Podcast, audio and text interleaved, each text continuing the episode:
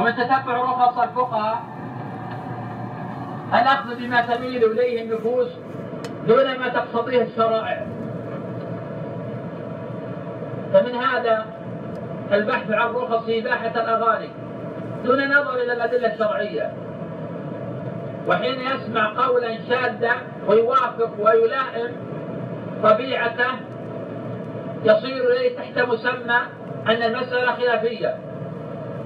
ومن قال لأن المسألة إذا كانت خلافية جاز له الأخذ بأحد القولين دون نظر إلى الأدلة فهذا الضال. والخلاف لا يهتك حرمة الفقه. فإن على هذا المعنى تجوز المتعة وعلى هذا المعنى يجوز النبيذ وعلى هذا المعنى يجوز السماع على المعازف وعلى هذا المعنى يجوز الإثبات وعلى هذا المعنى يجوز حلق اللحية. وعلى هذا يجتمع الشر كله في هذا الرجل يكون صورة للشيطان الرجيم. الله جل وعلا قال اتبعوا ما أنزل إليكم من ربكم ولا تتبعوا من دونه أولياء. والنبي صلى الله عليه وسلم قال إذا أمرتكم بأمر فأتوا منه ما استطعتم. والله يقول فليحذر الذين يخالفون عن أمره أن تصيبهم فتنة أو يصيبهم عذاب أليم. يقول الإمام أحمد رحمه الله أتدري ما الفتنة؟ الفتنة الشرك.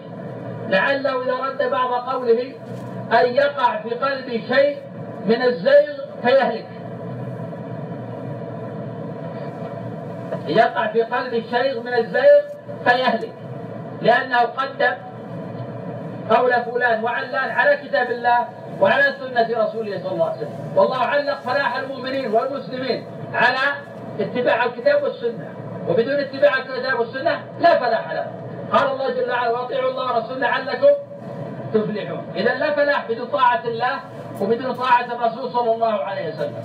والمنافقون هم الذين يأبون عن التحاكم من التحاكم إلى الكتاب وإلى السنة. وإذا دعوا إلى الله وإلى الرسول صدوا عن ذلك صدودا